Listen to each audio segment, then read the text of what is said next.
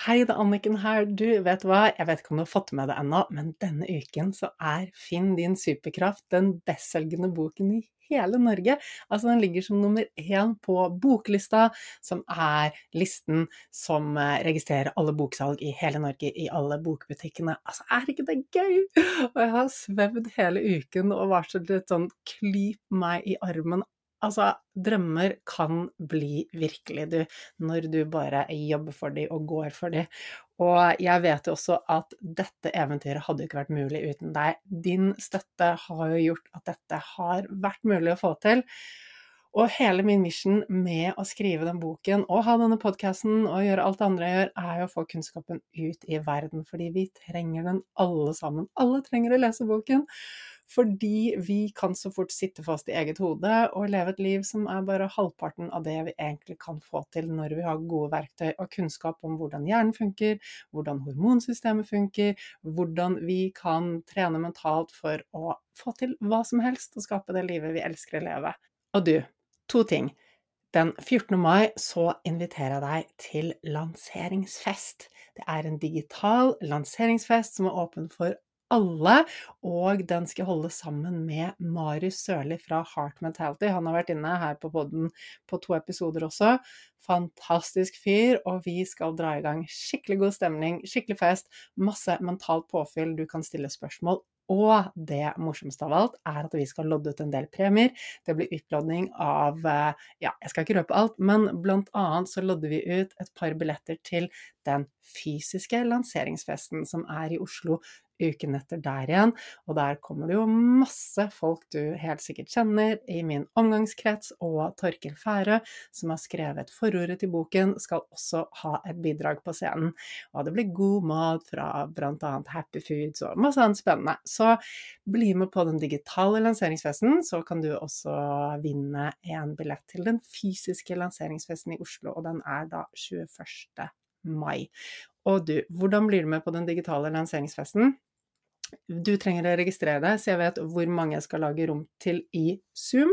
Og da går du til annikenbinds.com, og så skriver du skråstrek digital strek boklansering. Der finner du det.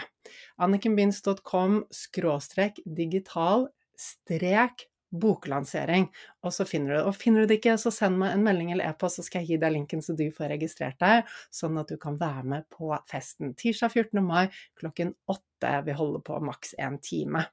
Eh, og enda en kul ting, onsdag 15. mai, til de av dere som bor i Bergen og bergensområdet, onsdag 15. mai klokken 18.00 så er jeg på Nordli i Strandgaten 1 og signerer boken.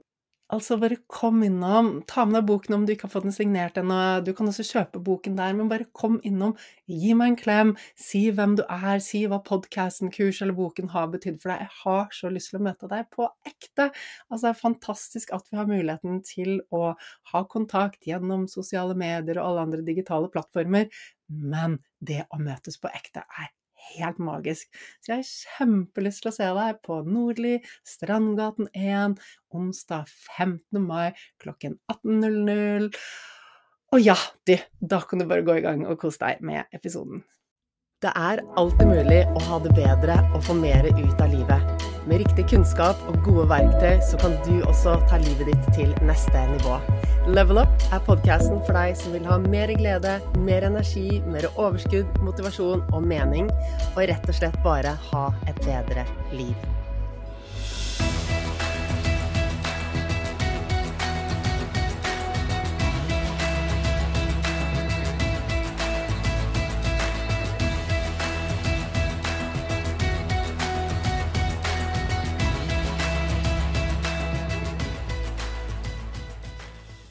Skal vi egentlig hige etter å ha mer balanse i hverdagen? Og hva handler egentlig dette begrepet med balanse om? Og hvordan kan vi tenke annerledes om det?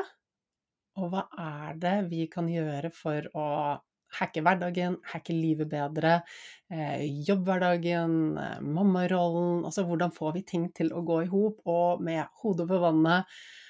Og klare å leve et liv hvor vi er lykkelige og tilfreds og trives, rett og slett.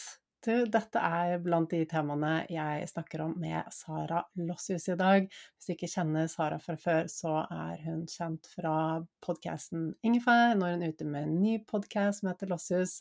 Hun har også skrevet flere bøker og er en kjent foredragsholder og kommunikasjonsrådgiver. Og Sara er superklok og deler så mye gull, så jeg er helt sikker på at du kommer til å få masse ut av dagens episode. Hjertelig velkommen til Level Up, eh, Sara. Det er kjempehyggelig å ha deg med i dag. Veldig hyggelig å være her, Anniken. Altså, jeg har gledet meg sånn, og i mine øyne så er du litt sånn dronningen av podkast i Norge. Du var jo veldig tidlig ut med podkast, med Ingefær podkast, og jeg elsker Ingefær podkast. Ja, det, den, den, elsket jeg òg, eller jeg elsker den ennå, selv om jeg har lagt den ned. Men den betydde mye for mange, og det er litt eh, det er fremdeles litt sånn rart å tenke på, for det var jo så mange nytt på den. Så det er veldig stort. Mm. Ja. Det er eh, Altså, jeg vet ikke hvor mange kunder har delt episoder derfra med. Det er bare sånn Å, det her trenger du å høre. Det, altså, det er noe med den podkasten Du tok opp veldig mye viktig tema, som også matcher mitt interessefelt, selvfølgelig. Men uh, jeg syns også at den var så ekte, rett og slett. Um, det liker jeg. Fint å høre. Og så må jeg jo si gratulerer med ny podkast, for du har jo akkurat kommet ut med en ny podkast. Ja, jeg har det. Lossius heter den, i godt, for det er jo talkshow. Og da har man jo navnet sitt, ikke sant. Eh, med mindre det er et late night show. Men eh, det er det ikke. Det er et hverdagsshow. Men det er om de viktige tinga i livet. Så der inviterer jeg tre gjester inn i studio for å snakke om ett tema. Og så prøver jeg å ha ganske ulike gjester, sånn at man angriper det samme temaet fra ulike synsvinkler. Sånn at eh, vi alle blir litt eh, mer opplyste og smarte. Eh, og jeg tror, jeg tror at vi trenger samtale, akkurat som folk lytter til oss nå. Så er det noe med at man trenger den samtalen nå i dyrtid og en usikker verden. For det er samtaler som gjør at vi forener og blir klokere. Eh, og jeg er overbevist om at det er utrolig mange smarte mennesker ute i Norge som, eh, som liker også de typer podkastene. Ikke bare humor og jang-jang og, og Eh, jeg vet ikke, men altså Altså gå i dybden, da. Så det er Lostis et uh, forsøk på. Og så avslutter det med musikk, for det gjør jo alle talkshow. Ja, altså jeg elsker konseptet. Det var uh, Når jeg hørte på den episoden om uh, avhengighet, og den er kjempefin, og det at du tar inn uh, ulike folk, og at du går i dybden Jeg tror virkelig at vi i dette samfunnet hvor ting går så raskt, og vi har blitt litt sånn Det er så mye overfladisk, vi liksom leser en overskrift og scroller kjapt gjennom masse mm. forskjellige ting, men vi, vi, trenger fortsatt historier, vi trenger å gå i dybden, og podkast er jo en veldig fin måte å gjøre det på, for folk mm. hører jo ofte på det kanskje når de går tur og liksom har litt mer ro på seg. Ja, og vi ønsker fordypelse, for det gir jo mening, og mening er jo viktig for alle mennesker. Så jeg har veldig tro på det mediet eh, videre også. Fordi hvor mye har man på å fange noen på når man scroller? Halvannet sekund eller noe sånt før man scroller videre? Det går sånn, liksom. Så det å, å lytte over lengre tid, det tror jeg alle trenger. Ja, det tror jeg også. Og jeg ser jo det Altså, jeg elsker jo altså, sosiale medier og Instagram. Jeg syns det er kjempefint, det er mye å lære. Jeg har fått masse nye venner og et stort nettverk. og det er mye bra, men det er liksom det vi får ikke gått i dybden. Og de tingene som jeg ønsker å formidle, det er sånn at det blir jeg, jeg får, det, det, er vanskelig å være nyansert når vi skal liksom snakke om ting på, på Instagram f.eks. Mm. Det er så godt å kunne bare sette seg ned og, og gå i dybden. Mm. Absolutt. Så men du, eh, før vi skravler oss helt eh, bort her, eh, har du lyst til å si noen ord om hvem du er, Sara, sånn at lytterne kan bli litt bedre kjent med deg? Ja, det kan godt. Jeg liker å skrive, jeg liker å lese, lære å snakke med folk. Og det har jeg gjort siden jeg var sånn uh, ja, siden jeg kan huske, egentlig. Uh, og det er det jeg jobber med nå. Og er jeg forfatter, jeg er kommunikasjonsrådgiver og podkaster. Så det er uh, kjernen i meg er det, og det er det jeg jobber med, rett og slett. og prøver å gjøre alle litt klokere. Altså det, om det skal være en misjon, så er det vel det, da. At jeg har lyst til å Eh, ja, at vi alle tenker sånn Å, det var sånn, ja, men nå forstår jeg det litt bedre, eller nå forstår jeg den personen bedre, eller den saken bedre, eller seg selv bedre. Og bortsett fra jobb, da, så er jeg gift eh, og med en skikkelig fin fyr, som jeg er sånn eh, kjempetakknemlig for hver dag. takk og pris for det. Jeg er takknemlig over at jeg er takknemlig for faen. og så har vi tre jenter på ti, åtte og straks fire år. Hun liker å trene, og hadde dratt med meg en liten norgesmester i roing, bare for gøy. Innendørs roing. Oi, Så, oi, oi. Det er Altså, meg. betyr det hva, du- hva du sier, du har dratt med deg en liten norgesmester, så du har eh, drevet aktivt, eller du har konkurrert? Nei, jeg gjorde eh, Hva heter det? Sånn eh, just for fun, er det ikke det det heter? Jeg gjorde det for moro skyld i fjor i, i i januar, eh, og ble med på det. For å sjekke. Så var det ingen jeg konkurrerte mot i min aldersgruppe, men målet mitt var da å ha bedre tid enn de som var i fjor i min aldersgruppe, og det var det. Sånn at jeg fortjente gullet. Men det henger en gullmedalje i stua, ja. Så utrolig gøy. Du, det har jeg ikke fått med meg. Jeg følger deg jo på sosiale medier, så jeg får jo med meg en del, men akkurat det har jeg ikke fått med meg. Så gratulerer. Det er gøy. Ja, det er gøy. Det er gøy, og det vet jo du masse om, Anniken, men det å sette seg et mål og jobbe mot noe, det gir eh, retning og motivasjon og mening. Så det var veldig gøy. Ja. Selv om det ikke betyr noe i den store og hele, og ikke noe for karrieren eller noe som helst, så er det mm, Så gjør det litt med å, å sette de målene for seg selv, da. Ja. Bare fordi. Og jeg tror ikke det er helt riktig at det ikke betyr noe for karrieren. Altså Man kan liksom tenke at okay, det målet er litt sånn ok, hva, det er det noe poeng å liksom gjøre det, eller et eller annet rart mål. Det er sånn, ok, det bidrar kanskje ikke til noe sånn sett, men det det gir deg, da, av energi og drivkraft, motivasjon, eh, det at eh, du vet at du, du, du får styrket tro på at du kan nå målene dine og få til ting, Mm. det har jo det har jo masse sideeffekter, bieffekter. ja, ja, ja. Det er sant, det er ikke isolert. Altså, man tenker jo noen ganger at eh, fri, altså, Vi skal sikkert snakke om stress og sånn senere og balanse, men fritid og jobb er jo ikke atskilt fra hverandre. Det er ikke sånn at eh, du har Anniken jobb og Anniken mamma, Anniken venninne. Det glir jo i hverandre. Så det man gjør på fritiden, påvirker jo jobb og, og motsatt. Mm. Det Ja. Det gjør det. Vi kommer det. vi, vi, vi klarer Vi kan ikke skille på de to. Og jeg tenker liksom uansett Både du og jeg jobber jo for oss selv og, eh, og trives med det og har gjort det lenge. Og jeg vet jo at eh, Men uansett da om du er selvstendig næringsdrivende, eller om du er ansatt i et firma og går på jobb, uansett hvem du er, så, så kan vi jo ikke skille på hva som skjer på privaten og hva som skjer på jobb. Ikke sant? Er det store endringer på jobb? Er det mye stress? Er det ting som skjer der? Må vi jobbe masse overtid? Føler vi at vi Mm. ikke mestrer jobbhverdagen? Så vil jo det påvirke hvem vi er hjemme også, og vice Mhm. versa. Er det noe som foregår på hjemmebane, så påvirker det også prestasjonene på jobb. Det, det gjør det. Så er det å tenke helheten i livet som også er eh, eh, vanskelig, da. Det er jo det. Det er jo utfordrende for mange. Det er jo derfor vi prater om det nå, kanskje, Anniken. Fordi det er sånn evigvarende tema som eh, eh, som dessverre er et evigvarende tema. Det er et evigvarende tema. Ja, og grunnen til at jeg ville ha deg eh, inn her i dag, er fordi jeg vet at dette er temaer som du også snakker om, og ikke bare liksom snakker om. Jeg tror at det målet ditt om å gjøre Norge litt klokere, det tror jeg du virkelig får til. For du sprer veldig mye klokskap, så det, det får du ta til deg. Det syns jeg. Og så, vet jeg også at dette er temaer som du er interessert i, som du? Du kjenner på det hver eneste dag, og det gjør vi alle. Dette med å finne den balansen som funker for oss i hverdagen, Mm. det er jo et daglig prosjekt. Det. Og jeg tror Jeg, jeg, jeg tror at eh, i altså, å finne balanse Jeg vet ikke helt om jeg tror på det heller, fordi eh, Altså, i perioder så er det komplett kaos, og så må man kanskje den balansen Jeg, jeg tror ikke på dagsbalanse, kanskje ikke ukesbalanse, men litt i uken.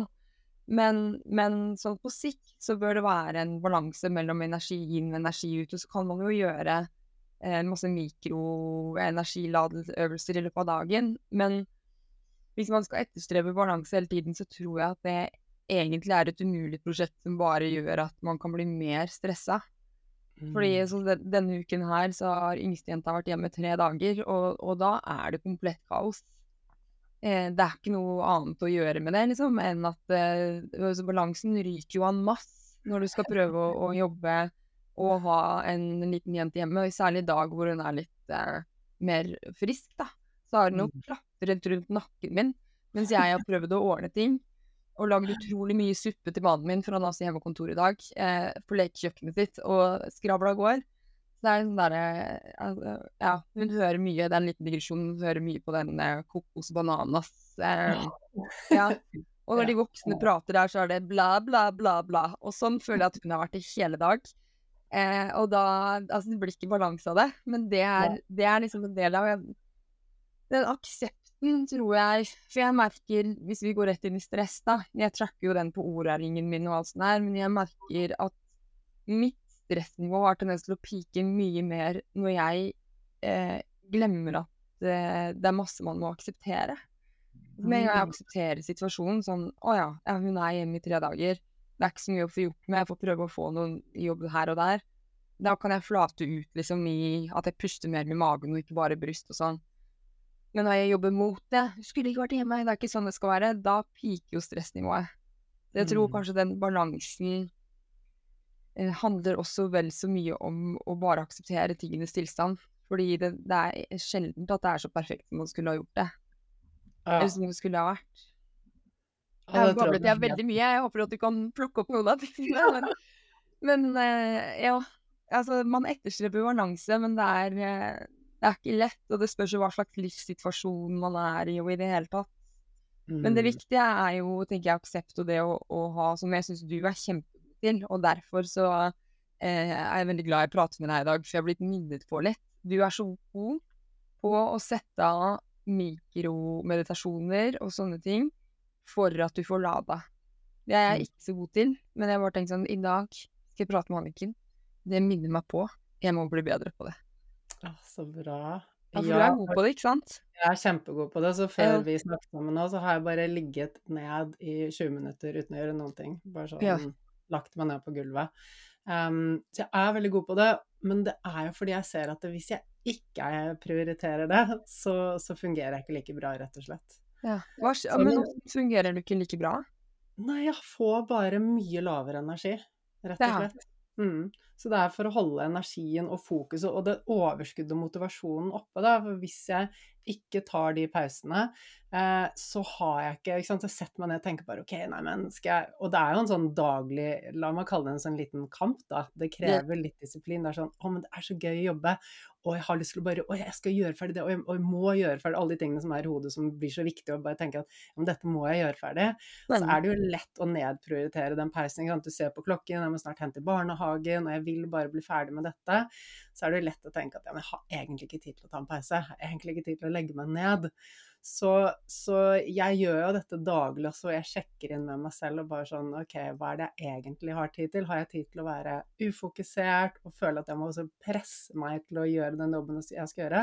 Eller skal det være flyt og behagelig med energi og overskudd? Eh, så, men jeg må minne meg selv på det hele tiden.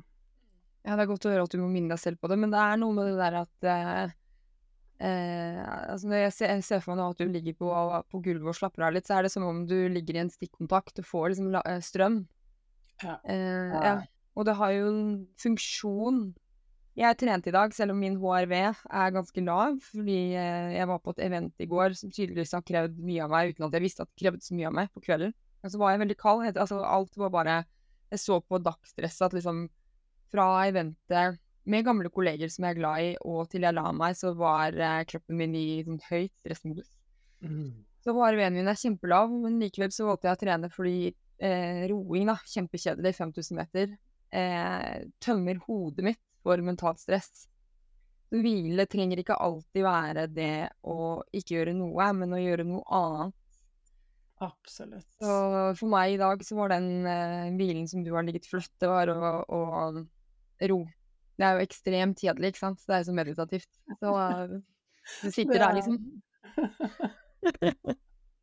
Det er det, og det krever litt viljestyrke for å gjøre det også. Men ja, du, ja, du har så rett i det. ikke sant? Hvile trenger ikke være eh, bare det å legge seg ned, men, men, bare det å koble av og gjøre noe annet. Også, og det å kunne se på totalbildet. da, ikke sant? Du ser jo det du var ute i går, og selv om det var bare positivt og koselig, så er det jo en aktivering. Og det tar, jeg ser også det på Garmin-klokken. Jeg trekker også HRV og stress der. Og jeg ser at det, er jeg ute og gjør sånne ting, selv om det er kjempekoselig på kvelden, så tar jeg mm. ofte stresset med meg inn i natten og lader ikke like bra.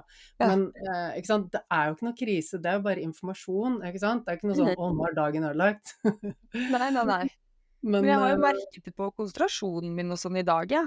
Så, ja. så det er litt sånn å ta med seg når man prioriterer kalenderen. Det er det jeg syns er nyttig. For noen er litt sånn Blir du ikke veldig stressa av å tracke HRV og eh, sånne ting? Mens jeg, for meg er det mer, som du sier, altså det er, informasjonen er jo nøytral. Det er jo hvordan jeg takler den informasjonen og bruker den, eller velger å ikke bruke den. mm. Eh, så Og det, det var nyttig og hyggelig å være der og sånn, men da må jeg tenke at ok, noen dager så eh, kan jeg ikke det. Hvis jeg har noe Jeg hadde ikke vært der i går hadde jeg hatt et podkastopptak i dag, eksempel. Det vet jeg, da måtte jeg droppa det. Så Ja. det, er, det er en eh, eh, Det er mer den at, eh, at det er informasjon som man bruker, da, som man kan justere atferd med. Ja. Helt, helt klart. Og jeg også får spørsmål mange som Å, blir du ikke stresset av det? Men det er eh, Ikke sant. Vi, vi velger jo hva, hvordan vi skal forholde oss til tingene, og det er klart at det, em, hvis vi er eh, altså Det handler mye med, altså, med å jobbe i dybden og virkelig få, få ryddet opp på innsiden og styrket oss. Fordi når vi har liksom mye indre utrygghet, så er det fort gjort at vi blir påvirket av de tingene som er rundt oss, og har veldig sånn enten-eller svart-hvitt syn på tingene. Men vi kan rett og slett trene oss opp til å eh, endre på hvordan vi forholder oss til tingene. Da, hvordan vi forholder oss. Det er bare informasjon som lesere. ok, hva, hva, hvordan har kroppen min reagert på det jeg har gjort? Og det gir oss muligheten til å, som du sier, da, planlegge kalenderen litt mer fremover. Eh, ikke sant? Og før så var jeg sånn, ok, men jeg, jeg tok jo ikke høyde for at kroppen skulle lade. Det var sånn, jeg puttet inn en aktivitet og så en aktivitet til, og så får jeg sikkert tid til én ting til, og så var det bare sjokka fullt uten å skjønne hvor, hvilken effekt det hadde på kroppen. Mm. Ja, absolutt. Jeg har blitt bedre på det, men jeg, jeg, jeg bare tenker at uh, jeg har lyst til å bli bedre til det du gjør også. Du gjør yoga nidra, du mediterer mer. For det vet man jo, det er så mye forskning som sier at det er så bra. Mm. Men så er det det å komme inn i, og jeg vet jo alt, hvordan man etablerer gode vaner og i det hele tatt, men uh, alt i litt sin tid uh, Ja. også.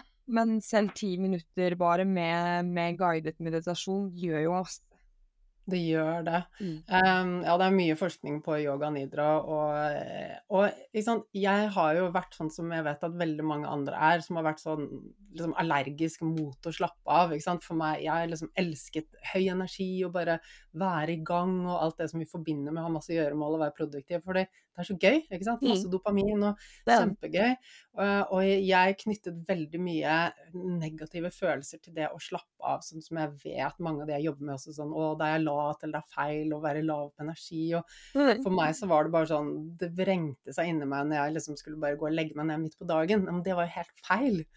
Så det har vært en sånn prosess med å lære meg av med det, og begynne å endre på hvordan jeg ser på det å ta en pause. Og da er det jo å begynne å se på det på en mer konstruktiv måte, knytte det til gode følelser, knytte det til de resultatene jeg vil ha, og de gangene jeg da har lagt meg ned midt på arbeidsdagen, tatt en pause, så er det sånn OK, virkelig forsterke den gode følelsen som jeg kjenner nå. Hvor bra den er, og liksom bare lagre den følelsen og minne meg på hva den gjør for meg etterpå. Mm. Og sånn kan vi jo få endret vanen, så det blir en ting som vi har lyst til å gjøre, istedenfor Mm. noe vi må tvinge oss til å gjøre. Mm.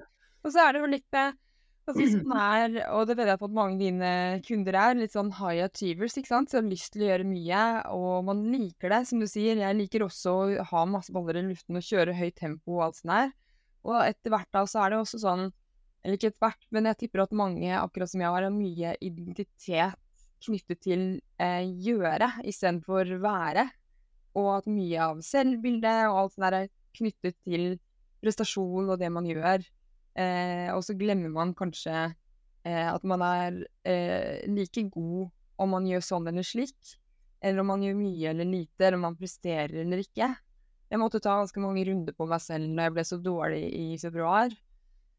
I over en uke, og så ikke ble frisk, og legen min bare Nei, nå setter jeg utbrenthet-diagnose på deg. Eh, og men jeg, ja, jeg jobbet likevel, da. Det skulle jeg jo. Men jeg jobbet redusert. Det er en lang historie, det her. Men, og mange grunner til at man blir det. Men eh, jeg kjente at når eh, minstejenta, på den tiden kunne hun ikke se R, bare la seg på, på sofaen, og så tok hun et teppe over seg og sa 'Nå er jeg mamma'. Og jeg bare Altså, stakk sånn at det er herregud, så ubrukelig jeg er, liksom. Mm. Men eh, Men ja, altså det var mer sånn der Men jeg pleier jo å kunne rekke det, og jeg er fremdeles ikke sånn at jeg kan klare like mye som jeg gjorde før jeg gikk på den smellen. da. Jeg vil ikke si at det er å gå på smell, før kroppen sa bare uh-uh. Mm. Men, men selvfølelsen og selvbildet mitt og sånn, det Altså, jeg er like mye verdt om jeg trenger å hvile hver dag, eller om kroppen ikke reagerer med stress på at jeg er på et event. Type. Skjønner? Altså, Mm. det er bare Det er det å og Du snakker jo kjempemasse om, om selvfølelse, men det å jobbe med å, å tenke at man har egenverdi, både at jeg har det, men også alle rundt har en verdi bare fordi de er, ikke for alt det de gjør. Men i samfunnet vårt så er vi jo mye eh, Altså åpningsspørsmål når man ny, møter nye folk, er jo liksom Hva driver du med? Istedenfor hvem er du? Hva Mm. brenner du for? Eh, hva tenker du på om dagen? Så vi er veldig fokusert på gjøren enn Mm. liksom hele mennesket, da. Mm. Ja, vi, vi lever i et samfunn hvor vi tror at vi blir noe gjennom å gjøre. Ja. Eh, og så vet jeg at det er egentlig motsatt. Men det er jo en lengre prosess å, å komme dit. Men ja? Det, er, det er veldig mye i samfunnet, så vi applauderer prestasjoner. Eh, og sant, med alt det vi blir eksponert for hver eneste dag av medier, hvor det er, sant, det er glansbildene, det er prestasjonene, det er de perfekte utseendene, alle de tingene som blir applaudert. Vi har jo alle filmene hvor det er, alt er bare happy, lykke, plastic, fantastic. Og det, det gjør jo at vi tenker at ok, men det er det som er verdi. For alle mennesker har et behov for å være verdifull, fordi vi tenker at vi må være verdifulle for å ha aksept i flokken, eh, for å kunne ha tilhørighet, ikke sant. Og det farligste er jo å miste den tilhørigheten. Og da er det sånn ok, hva gjør meg verdifull? Så rent ubevisst så Mm. blir vi påvirket av trendene i samfunnet. Ok, rent, eh, rent ubevisst så, så, så tenker vi da at ok, jeg er verdifull når jeg får masse positive tilbakemeldinger, når jeg presterer, når jeg får til Mm. ting, og så begynner vi å knytte hele identiteten vår til det å gjøre. Mm. Og, eh, og så i Norge så er vi litt sånn sånn Jeg skal klare alt selv, og vi skal være så sterke. Og Mm. det er jo ikke noe galt med det, men eh, det er også viktig å kunne spørre om hjelp, kunne ta en pause. Um, og jeg har også alltid vært sånn Jeg skal være så tøff, jeg skal være så sterk, jeg skal klare alt selv, jeg skal ikke vise noe svakhet, ikke sant? Og bare sett Mm. på det med å sant, være litt lav på energi eller ta en pause. Nei, men det er svakhet. Så det er jo ikke meg. Og jeg har ikke likt hos andre heller. Altså, og, det er også en greie jeg har fått det siste året. Jeg har vært, eh, jeg har vært elendig kone når Jon har vært syk, liksom. Jeg bare er en ski. Altså, ikke noe kjærlighet der, liksom. Det var ikke så dårlig. Eh, og bare ikke likt at han eh, er syk eller svak. Men det er jo Det er jo fordi jeg har mislikt svakhet hos meg selv, ikke sant. Det er jo bare det speiler jo bare. Så, da, så etter å ha jobba mye med det, det er mye fint av å hva skal jeg si, gå på en vegg, kan man si, kommer mye ut av det negative, så har jeg skjønt at å ja, men det er jo altså det er jo det i meg selv jeg ikke liker. Og hva, hvorfor frykter jeg det? Hvorfor misliker jeg det? Er, hvorfor det er farlig? Altså alle de spørsmålene der, så kommer man jo mye til eh, en dypere kunnskap om seg selv og en større en som jeg snakket om i stad. Den aksepten til at det er greit, liksom. Altså det er greit å være lav på energi, eller det er greit å måtte be om hjelp. Det, jeg hater å be om hjelp. Jeg kjente meg inn i det. Men eh, nå i større grad eh, gjør jeg det. Men egoet mitt, liksom, det, det, det friker ut hvis jeg ber om hjelp. Altså, det, det, det bare en Nei, nei, nei, nei, nei. Må klare alt selv. Mens ingen klarer eh, Altså, hva er det ikke Det er et um, Når jeg bodde i Sør-Afrika, så var det et ord der som het ubuntu. Jeg er fordi du er. Altså, man er i samvær med andre. Altså, i, i, nå blir jeg mer levende fordi jeg prater med deg, og omvendt i den samtalen her. Mm. Jeg, jeg tror at eh, vi kan lære veldig mye av det litt mer kollektivistiske samfunnet enn den veldig individualismen vi ser. Fordi når det er veldig individualistisk, så, så blir det også et enormt press på enkeltpersonen om å lykkes. Og hvis man mislykkes, så er det liksom enkeltpersonens feil. Mm. Men det kan jo hende at det er omgivelsene som At det var umulig for den personen å lykkes. Eller at man hadde lykkes, eh, jeg sier det i gåstein, hvis man hadde bedt om hjelp, eller altså ikke prøvd å være så alene om det. Fordi det er eh, Man greier ingenting alene. Nei. Vi gjør jo ikke det. Og det er kjempefine perspektiver du trekker fra meg, Sara. Vi, vi klarer ikke noe alene. og vi, vi, vi, er avhengig av, av, andre, og vi blir påvirket av andre sin energi. Det har vi forskning på, vi vet det. Eh, og, og, jeg kjente meg sånn igjen i det du sa, at du heller ikke likte svakheten eh, hos mannen din. For jeg har kjent akkurat det samme. Ja, det er som du sier, det er et speil av hvordan vi ser på oss selv også. Men da du liksom møtte deg selv litt i døren, spurte deg selv litt spørsmål rundt dette, hva, hva dukket opp da? Hva, hva har du lært av det?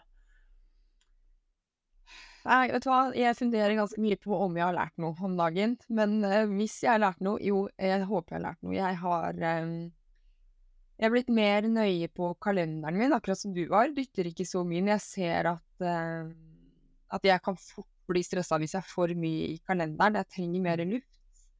Eh, men det er også litt hvordan jeg liker å jobbe. Jeg liker å jobbe Jeg liker ikke å Eller jo, jeg kan like å jobbe sånn også, men jeg trenger disse dagene med hvor jeg kan jobbe med ett prosjekt over lengre tid, da. Spør, um, så det har jeg kanskje har jeg nok blitt nøyere på. Og så har jeg noe som jeg kan trene igjen, da. Så har jeg putta det mye høyere opp Sånn som i dag hadde jeg ganske mye på kalenderen. Noe vanskelig med denne kravler over skuldrene. Men uh, jeg tenkte nå funker ikke hodet mitt trening.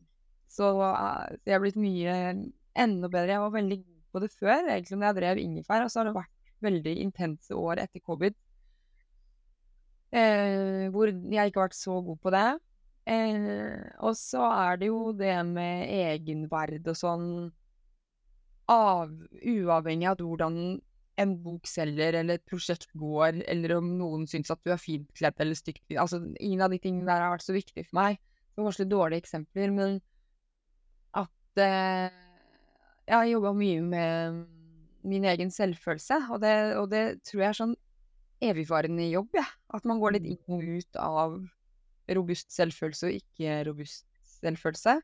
Men jeg tror nok for felles eh, for alle at hvis det blir for høyt trøkk over lengre tid, så tror jeg det automatisk går også litt utover selvfølelsen hvis stressnivået er for høyt. Da. For det, det, er en naturlig reaksjon på at det har vært for mye. At du har kjørt på i sjette gir altfor mye over lengre tid. Men hva jeg har lært av det ellers Jo, jeg antar at det er Jo, jeg tror jeg er flink jo, en ting jeg er blitt god på nå, at jeg tenke litt Jeg ringer mange flere venninner for å prate. Det gjør jeg. Og det er merkbart. Eh, fordi det er, altså, vi, har venninner rundt omkring, så jeg bor på Nesodden, så det er ikke sånn at alle har barn og busy hverdag, så det er ikke sånn at vi ikke får møttes nødvendigvis så mye.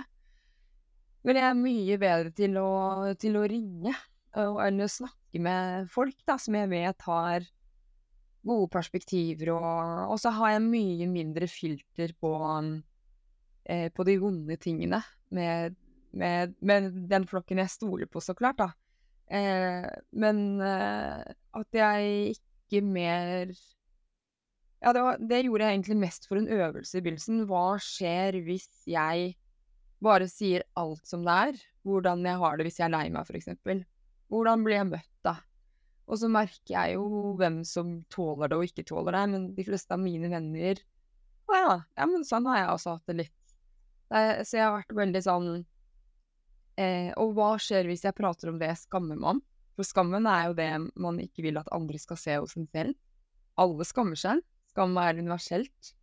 Eh, men skammen blir også borte hvis man liksom løfter den opp. Så jeg mm. sånn Hva skjer hvis jeg snakker til den og den personen om dette skammer jeg meg over? Jo, det viser seg at det er ikke så mye å skamme seg over. Eller kanskje vedkommende har det litt. Og du snakket om det med tilhørighet i flokken, og det vet vi at hvis man er sårbar og blir møtt på en god måte, så er man jo inni kroppen og trygg. Og det er jo masse å si for nervesystemet vårt. Det med å brenne inne med ting og ikke dele og sånn, det tror jeg er Det må jo være veldig negativt. Så mm. der er jeg blitt eh, vesensbedre. Og når jeg var på Ekko og snakket om stress og det at jeg hadde vært utbrent og sånn, jeg følte at jeg bare Er det ikke Brené Brown som var eh, eh, sårbarhetshangover, kaller hun det for? ja, følte litt sånn at jeg tumlet ut av Ekko-studio. Veldig sårbarhetshangover. Men det er greit. Det er jo eh, Altså Det er jo menneskelig for alle, Mm. tingene her. Mm. Mm. Ja, og så, så stor tro på å altså, lette trykket litt, da. Det å kunne være Yes. sårbar, det å kunne dele de tingene vi skammer oss over. Fordi vi er jo ikke bevisste, men når vi går og holder det inni oss, så tynger det oss, og det skaper indre stress uten at vi er bevisst på det. Liksom, hvor mye skal vi gå og bære på før det blir for mye, da? Ikke sant? Og bare det, det du gjør da med å ringe folk og, og bare snakke og dele, det er jo en måte å bare ventilere på, Mm. bearbeide, få perspektiv, lette trykket, som, som vil gjøre hverdagen mye lettere. Så var det Karina Carl, som også er en venninne av meg. Hun har skrevet bok som kom ut nå i høst, som heter Tenk mindre. Og der skriver hun en setning eh, noe sånt som at eh, ingen har noensinne blitt eller løst noen problemer med å gruble. Altså fordi når du grubler, så kverner jo den samme tanken igjen og igjen. Men når man ikke prater, eller bare grubler, så, så er, du finner ikke svaret. Men hvis du prater med en ekstern en, eller skriver det ned eventuelt og jobber litt eh, visuelt, så, så kommer svarene og perspektivet fra andre, eller fra deg selv ved at du jobber ja, på den visuelle måten. Mm. Så man tror liksom at dette problemet her skal jeg klare alene, men jeg tror ofte at eh, ja, man klarer det ikke. Ja, skal klare det alene. Jeg bare går og grubler på det og grubler og tenker, og så, så Grubler fem dager til, så finner jeg på noe. Men det er eureka moment, det kommer ikke. Det gjør ikke det. Altså, det å snakke med noen er, det er så forløsende. Og så, Mm. som du sier, at det hjelper oss virkelig til å bare få perspektiv og, og få klarhet i tingene. Det- Så, men jeg, altså, jeg hører på deg. Jeg, jeg, følger, jeg har fulgt deg lenge og vet at du er jo ambisiøs. Du har jo masse prosjekter, du har skrevet mange bøker og ny podkast nå. Det er alltid noe. Og jeg skjønner at du syns at jobben din er veldig gøy. Dette er ting du brenner for, og du er god på det du gjør.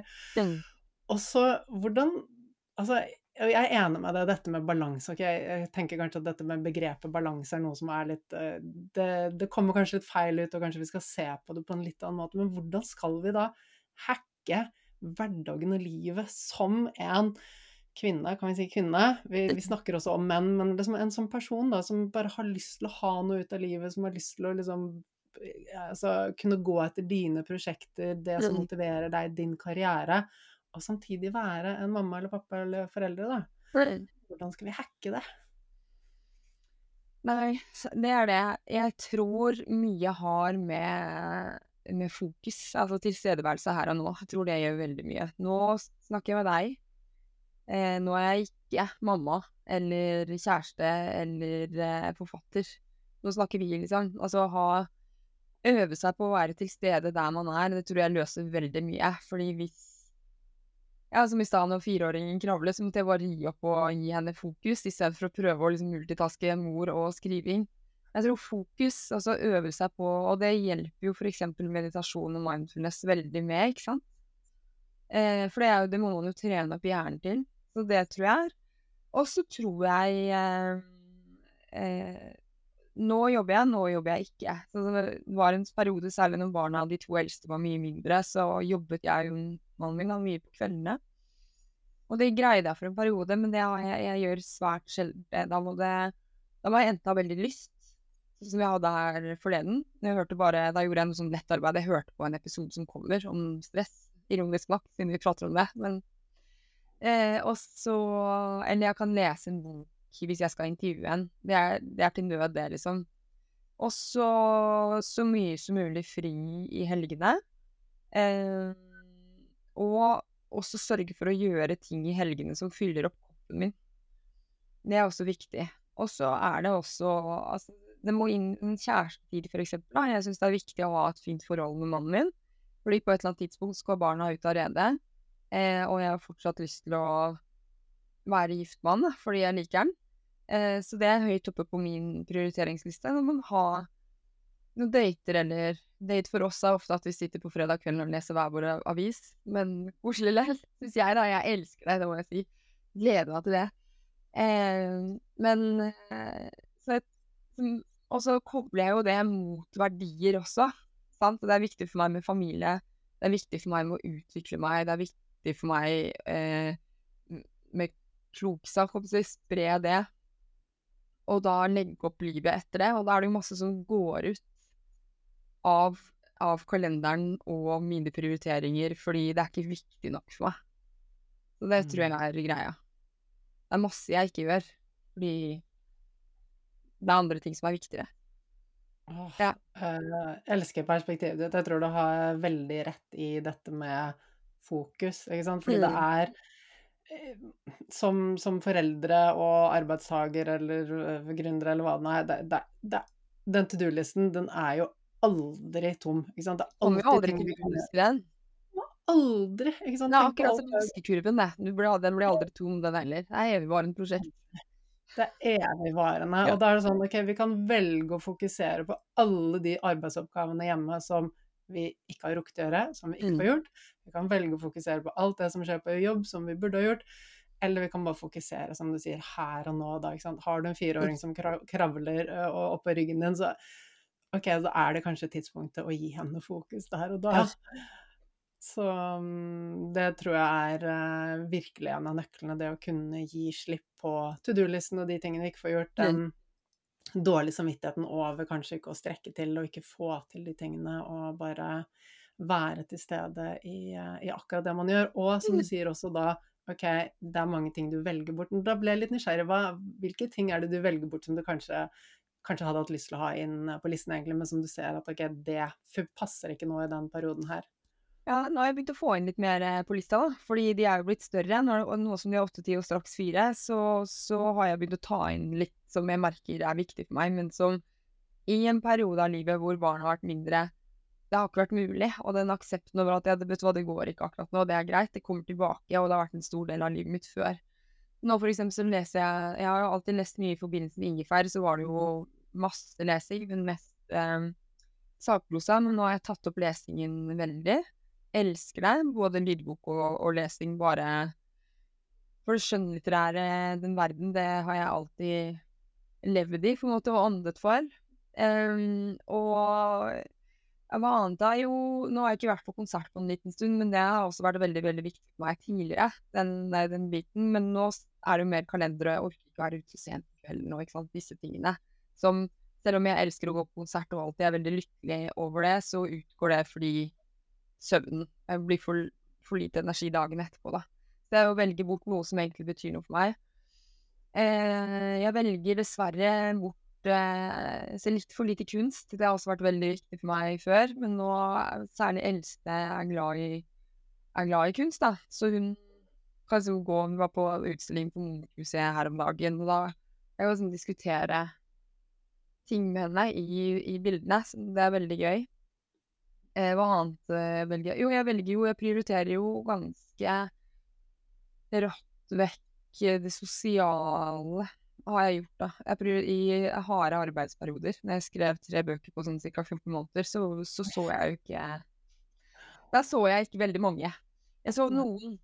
Eh, og så tar jeg igjen det senere igjen, ikke sant. Du kan ikke prioritere det vekk for resten av livet, men ta det inn. Så der er jeg nok eh, Og jeg er nok nådeløs i prioritering òg, altså. Litt. Det er jeg. Eh, for å oppnå mål. På godt Ja. og.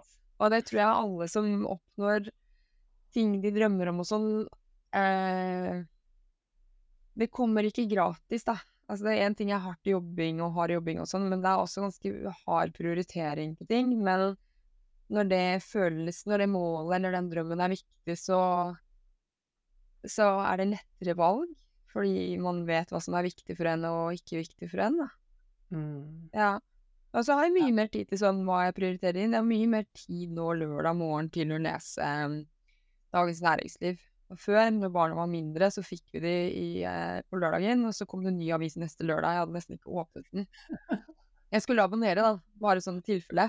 Ja. Mens nå leser jeg den fra A til Å med et par kopper kaffe og kose meg glugg, liksom. Så alt i sin tid også, da, på hva man har tid til og ikke. Samme Ja. med parforholdet. Altså, når barna er små, så er det kanskje ikke da man ligger mest. Nei. Men man må ikke gi opp. Og så kommer kan kanskje det bli en sånn økt graf da på, på ligging etter noen år. Ja. Så, ja. Jeg tror Og også det det er blir så- den. Riktig det du sier, altså dette med altså det er jo en tid og sted for alt, og jeg Ja, tror at vi gjør oss selv en bjørntjeneste hvis vi forventer at det når, med små barn, da, at vi skal få til alt det som vi fikk til før vi fikk barn, og liksom eh, ha masse sex og være ute og være sosial og se fantastisk ut og trene hver Mm. dag og huset skal være perfekt og liksom være en fantastisk mamma. Altså hvis vi tenker at alt det skal inn når vi da har barn, som er jo en fulltidsjobb, det, det er jo ikke sånn det, det, krever jo en del av mental kapasitet og fysisk kapasitet. Og så forvente at vi skal kunne hake av på alle de tingene, det er jo å gjøre oss selv en bjørntjeneste. Ja, ja, og jeg tror det er helt Jeg tenker også på hvorfor skal man Sånn som DN har vel 30 under 30, eller, eller det er kanskje ikke DN, de har ledestjerner, den liker jeg, men det er en annen som har en kåring om eh, ja, hva man har oppnådd innen man er 40 år, eller noe sånt, da. Altså, tenker jeg sånn, jeg skal jo jobbe til jeg er 70, mest sannsynlig. Så arbeidsevne er 42 nå, så jeg er 28 år igjen av arbeidslivet, mest sannsynlig, da. Hvis jeg holder meg frisk og, og sånne ting. Og det er jo lengre enn det jeg jobba hittil. Det er så fokus på at man skal liksom gjøre karrieren innen man er 40, hvis man ikke har klart det da, samtidig som man skal klemme ut barn og, og alt det der du sa. Det er et i utgangspunktet umulig prosjekt. Og jeg, og jeg tror også at man kan klinke til og gjøre masse bra karriere etter at man er 40 år som kvinne. Isabel Allende skrev debutromanen sin Oddens hus' da hun var 41. Madonna, eh, det Dance Floor-albumet hennes, som jeg syns er kjempefett. Hun var litt over 40 når hun ga ut det. Eh, altså, bare det fokusere mer på at livet er langt, at man ikke kan få til alt samtidig, men du kan få til sjukt mye på langt eller litt lengre tid hvis du gjør én og én ting ordentlig over tid, i stedet for å prøve å gjøre alt samtidig. Ja, det er jeg så enig i. Og det er jo så lett å tenke at ok, hvis man skal ha suksess, så skal det være sånn overnight success. Eh, men det er jo ikke noe som heter overnight success. Det er liksom alt, alt Bak all suksess så ligger det årevis med fokusert jobbing. Eh, og jeg er jo 46 år gammel nå, og jeg føler at jeg, livet har akkurat bare startet. Det er så mye igjen, og jeg skal i hvert fall leve til jeg er 100 år gammel, og jeg skal jobbe hele tiden. Så i hvert fall så lenge jeg syns det er gøy, da. Så jeg tenker at det er Så lenge vi tar liksom, vare på helsen, er gode på balanse, eller jeg tenker gode på å lade, Ja.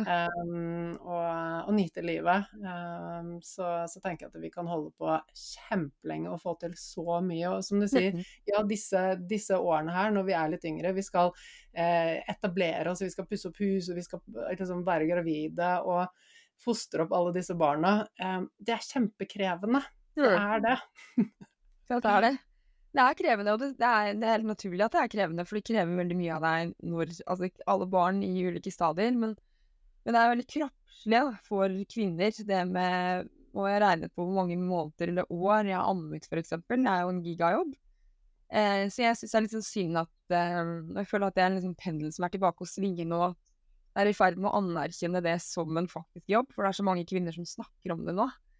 Eller, og, og, og, det syns jeg er så fint at man liksom Ja, men det er faktisk krevende. Men selv om du har valgt å være hjemme med barn i to år eller jobbet redusert og sånn, så syns jeg ikke at det skal gjøre at du på sikt henger etter på lønn, eller på sikt henger etter på karriere. For du er jo ikke, er jo ikke dummere i hodet, eller mindre kapabel til å kicke ass på jobb, selv om du har gått hjemme litt, eller valgt å jobbe redusert. Det er liksom, akkurat som jo fortere du er tilbake, dess bedre er det. Jeg tror den er i ferd med å, å dø litt, og det håper jeg. Fordi eh, jeg har alltid sin tid, og jeg vet jo selv hvor deilig det var å komme tilbake på jobb etter å ha eh, vært hjemme litt. Altså, ingen kvinner er, er Altså, jeg tenker at man er jo helt og effektiv og lykkelig over å kunne tisse på do alene på jobb etter å ha vært i småbarnsfasen. Så de kvinnene der er jo kupp for effektiviteten på arbeidsplassen. Ja, ja. Altså, man blir jo mer effektiv når man har mindre tid, ikke sant. Og har Ja, ja. barn som skal hentes i barnehage og sånn. Altså, du, du er nødt til å, til å få det til. Og så sier man jo også det at uh, postpartum kan jo vare opptil syv år, og det å begynne å liksom ta litt inn over seg, sånn som du sier, at det er faktisk en jobb, og det krever og eh, Det er et bidrag til samfunnets fellesskap. Vi får Mhm. mer robuste barn hvis, hvis vi foreldre, spesielt mammaen, da kan være litt i stedet når barna er små. Så mm, Og ja, og vi har hele livet foran oss etter det, på å, på å leve ut drømmen vår og gjøre det vi syns er gøy. Mm. Og mine barn er jo nå 11 og 13, eh, og det er, det er klart at det, med store barn så blir det kanskje litt større eller andre problemer, det er andre utfordringer, men jeg har mye mer frihet nå. Mm. Så jeg kan, jeg kan gjøre mer. Jeg er ikke liksom bundet på hender og føtter sånn som jeg var da de var små. Mm. Men likevel så er jeg også så bevisst på at ok, når kvelden kommer, så skal ikke jeg sitte over Mac-en og jobbe. Selv om kanskje datteren min sitter og hører på lydbok og, og leker med Lego eller tegner eller sånt, og så har jeg lyst til å liksom de øyeblikkene vi kan ha sammen, de er så verdifulle. Så jeg er veldig bevisst på at ok, ja, jeg, i prinsippet kunne jeg bare jobbet hele tiden, for jeg elsker det, jeg syns det er så gøy. Men det er noe med å bare få til de stundene av tilstedeværelse med barna før de plutselig er fjortiser og løper ut av døren, da. Fordi, ja, og det er ikke mange år til de flytter heller, liksom. Det går så fort. Det går kjempefort. Ja. Så, men, eh, men ja, altså småbarnslivet Jeg føler at jeg liksom er over den kneika. Så det er ganske Det er overkommelig. Vi har ikke morgenstress lenger og, og sånne ting. Men jeg vet at det, dette med å takle morgener er jo noe som du har eh, Det har du delt mye kloke tanker om. Så jeg har Mm. veldig lyst til at du skal dele litt mer om eh, dine tips og dine perspektiver på for en småbarnsfamilie, hvordan få morgenen til å bli smoothest mulig. Ja, men, ja, jeg tenker at de tar rådene, for det har jeg fra boken God morgen som kom ut i, i fjor. Jeg tenker at de er for alle, ikke nødvendigvis bare for småbarnsfamilier. Eh, fordi eh, Ja, for det å skaffe en, lage seg selv en god morgen, det sitter, kan bidra til å sette premisser for en litt bedre dag. Det med å, å sjekke inn med seg selv. Hvordan har jeg det i dag? Eh, Hva trenger jeg i dag for å ha det bra? Eh, eller hva trenger jeg i dag for å prestere godt i det møtet, eller hva det er Som regel så gir jo svaret seg selv litt. Nei, jeg trenger eh, fem minutter ekstra og i frisk luft før jeg går inn i møtet. Altså man, man har jo svaret i seg, så det å sjekke inn tror jeg er veldig viktig, og det gjør jeg eksempel i sengen med en gang jeg våkner. Bare det er sånn automatisk hva trenger jeg i dag, hva skal jeg gjøre for å ha det bra, som jeg har på nå om da. Eh, og så liker jeg, hvis jeg dusjer, det er ikke alltid jeg gjør, hvis jeg skal trene litt senere på dagen eksempel, så avslutter jeg med eh, kaldt vann, for da opplever jeg, eh, og det vet man jo også, effekten av kaldt vann, men eh, det er, det er flere Én ting er at jeg vet sånn Oi, dette har god helseeffekt. Men en annen ting er det der at jeg har jo aldri lyst til å Jeg dusjer først med litt varmt, og så skrur jeg på kaldt. Jeg har aldri lyst til det. For det er ikke noe digg. Men det med at man liksom har gjort det, eller har gjort det, gjør at jeg Da har jeg gjort noe jeg ikke har så lyst til. Og det setter min hjerne til at jeg klarer andre ting som blir kasta på meg i løpet av en dag som ikke er så vanskelig, da. Eller som jeg ikke syns er så lett. Og så Men Og så er det noe med hva er mitt og hva andres Altså, vi har overhodet ikke alltid perfekte morgener her i denne familien, selv om jeg er morgenrutineekspert. Men det er liksom Og jeg, de morgenene det ikke går på skinner her hjemme, så analyserer jeg liksom hva gikk gærent, prøver å justere litt.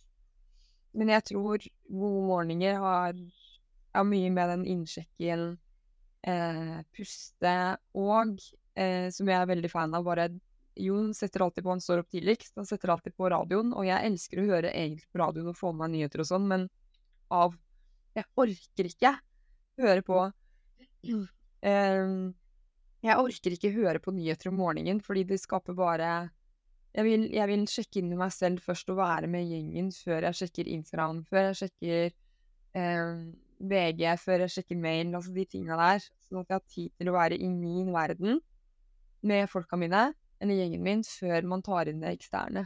Og den tror jeg er viktig. Den tror jeg tror veldig mange Ingen trenger å sjekke Instagram eller VG eller sjekke mail før etter et kvarter, før du har fått summa deg litt, kjent hvordan det er. Har jeg vondt i ryggen i dag? Eller kjenner jeg var litt stressa? Eller hva er jeg takknemlig for? Um, så det tror jeg er uh, Sjekke inn i seg selv og bare ikke være Ta inn verden før du er klar og våknet opp i din verden. Det tror jeg er det beste. Mm. Jeg vet ikke, Ja. hva gjør du for gode morgener?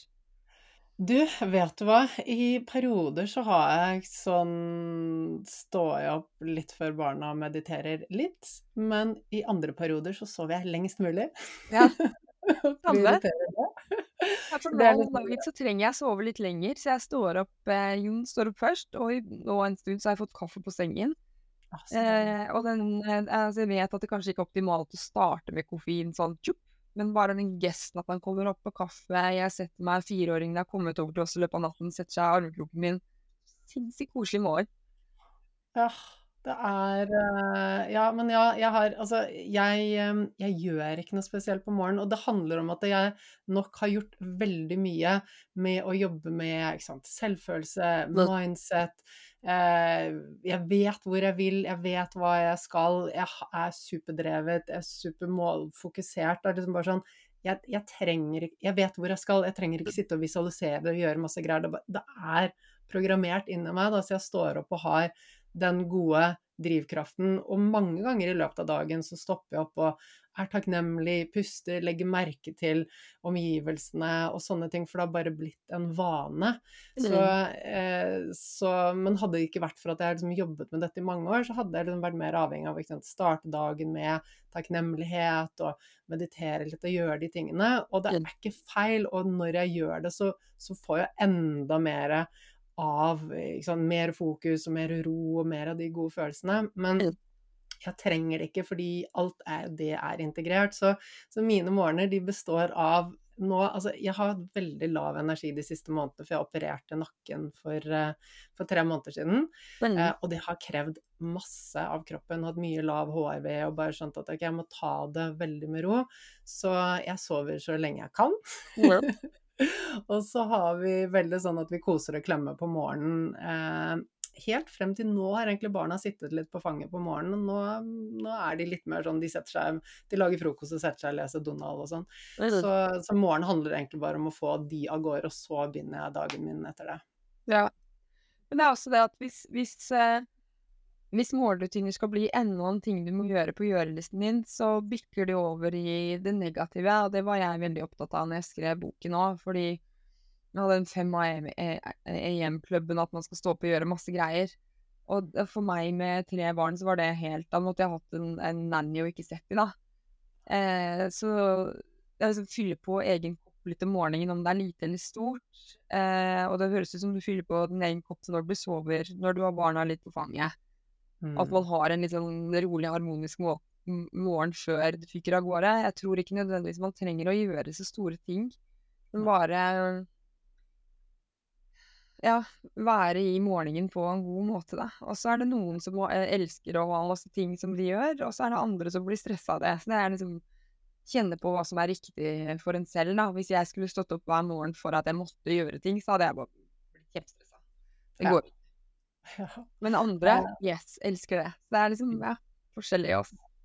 Ja, jeg tror vi er veldig ulike, og jeg veldig enig med deg med tanke på det at ok, hvis vi har en sånn lang liste om at jeg må stå på for at det skal bli en god dag, så må jeg ha meditert og tatt en isdusj og sitronvann og, og journaling og liksom en sånn lang ramse, da det, det funker ikke.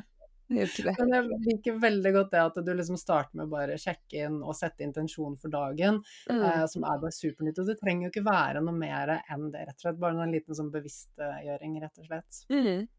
Det, er, det har jo med tilstedeværelse både om morgenen og i løpet av dagen. Det er fokuset. Ja. Og det tror jeg kan redusere en del stress og øke glede og mening, da, for du er mer til stede i livet ditt når det faktisk skjer, og ikke på forskudd eller etterskudd. Ja. Så enig. Og det er jo sånne vaner som vi bare kan trene oss opp til, sånn at det blir mer og mer automatisk. eh, Så i begynnelsen så er det noe som vi må kanskje være bevisst, og etter hvert så blir det bare del av den vi er. Mm. Um, men du Sara, sånn før vi runder av her i dag, altså Mm. elsker å sitte og skravle med deg, jeg kunne sikkert Jo. skravlet i timevis. Men tilbake til liksom der vi startet litt, og dette med balanse. Jeg er enig at det, okay, balanse, hva er egentlig det? Og det er kanskje et sånn uoppnåelig mål som vi tenker at jeg må ha balanse, men er det egentlig det vi trenger? Hva, hva er det vi egentlig trenger for å liksom kunne hva skal vi si, ha nok energi og lade batteriet nok til å fungere og ha det bra i livet? Hvordan skal vi tenke om det? Ja. Eh, Nei, jeg, tror det er eh, Tenke litt på sånn eh, utput og input. Er litt som at du ser for deg at du er et batteri. Noen ganger så bruker du det, andre ganger må du lade det. Og det med balansen handler jo om at i løpet av en dag så må du være litt rann Altså noen perioder kan du bruke mer av batteri, ikke sant. Men hvis du bruker mer av batteri over lang tid, så det er ikke bra. Så i løpet av en dag må, være, må det være Bør, må litt eh, input og input på det batteriet. Og i løpet av en uke, tenker jeg, så bør jeg ha ladet kraftig et par ganger. Gjerne i helgen, da, som det blir. Det tror jeg er en måte å tenke på. Så tenke på altså, hva tar energi, og hva gir energi, og at det er en viss om ikke balanse, men at det veier seg litt opp da, på det.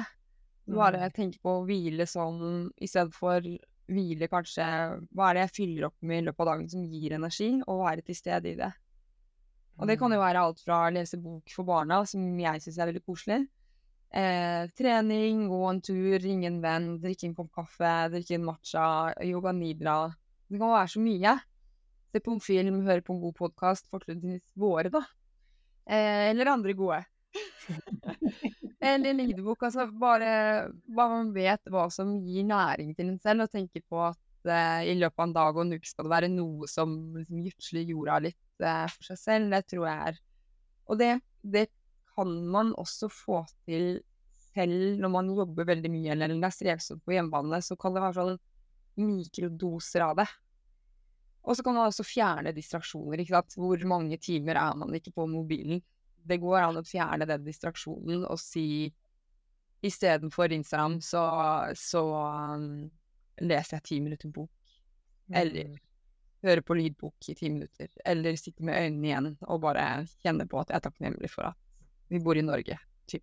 Mm. Ja. Det var kanskje et forsøk på det svaret. Ja, nei, men jeg, sy- jeg syns det lander veldig bra. Jeg er enig med dette med ok, begrepet balanse, det er kanskje litt utdatert, og det, det, det funker kanskje ikke helt i forhold til hva vi vil oppnå, da, fordi balanse, da ser vi for oss kanskje at vi må være veldig sånn i zen og i harmoni og den gylne middelvei og alt det, men ikke sant, sånn som du og jeg, vi har jobber som er krevende, som er kjempegøy, og, eh, og ja, altså skal vi da roe ned på jobb fordi vi må ha den der indre balansen hele tiden, eller kan det å være på jobb også bidra positivt til det påfyllet, da, ikke sant? Så vi tenker mer på det, som du sier, på energi inn og ut, da. Um, så Det er nyttig. Ja, men herlig. Du, for en fantastisk eh, fin samtale, Sara. Og de som eh, lytter nå, de, eh, hvor kan de finne deg for å lære mer av alt det som du deler? Selvfølgelig er det jo den nye podkasten din, Lossius. Mm -hmm. hvor kan de følge deg? De kan følge meg, jeg er vel mest aktiv på Instagram. Det er Sara Lossius på Instagram. Mm. Eh, så det er hovedkanalen, ja. Og Lossius, da. Og så kan man bli klok på hvor mange episoder av Ingefær har jeg. 167 eller noe sånt. Så hvis man vil nerde i alt som har med helse å gjøre, så er det Ingefær podkast som, eh, som fremdeles lever et godt liv. Anbefaler den på det sterkeste. Takk, Anniken. Det er veldig hyggelig at du sier. Så bra. Og så skal jeg legge linker til podkasten din og Instagram i episodebeskrivelsen, sånn at det er lett for folk å finne deg. Så får du bare ha tusen takk for samtalen, og lykke til videre med hjemmeværende fireåring og alt hjemmekaoset. Ja, det er kos og kaos. ja, det er kos i kaoset. Bare finne roen i kaoset? Ja, det er det. Ok, tusen takk. Hva sitter du igjen med etter denne episoden? Altså, Sara er så klok og har så mye gull å komme med, så anbefaler jo podkasten hennes og bøkene hennes å følge henne på sosiale medier. Så ja, del veldig gjerne med oss hva du får ut av episoden, hva du tar med deg, hva du kanskje skal begynne å gjøre i ditt eget, eget liv. Tagg oss i sosiale medier når du lytter til episoden, så blir vi veldig, veldig glad for å høre tilbake fra deg. Og du, da gleder jeg meg til å se deg igjen neste uke.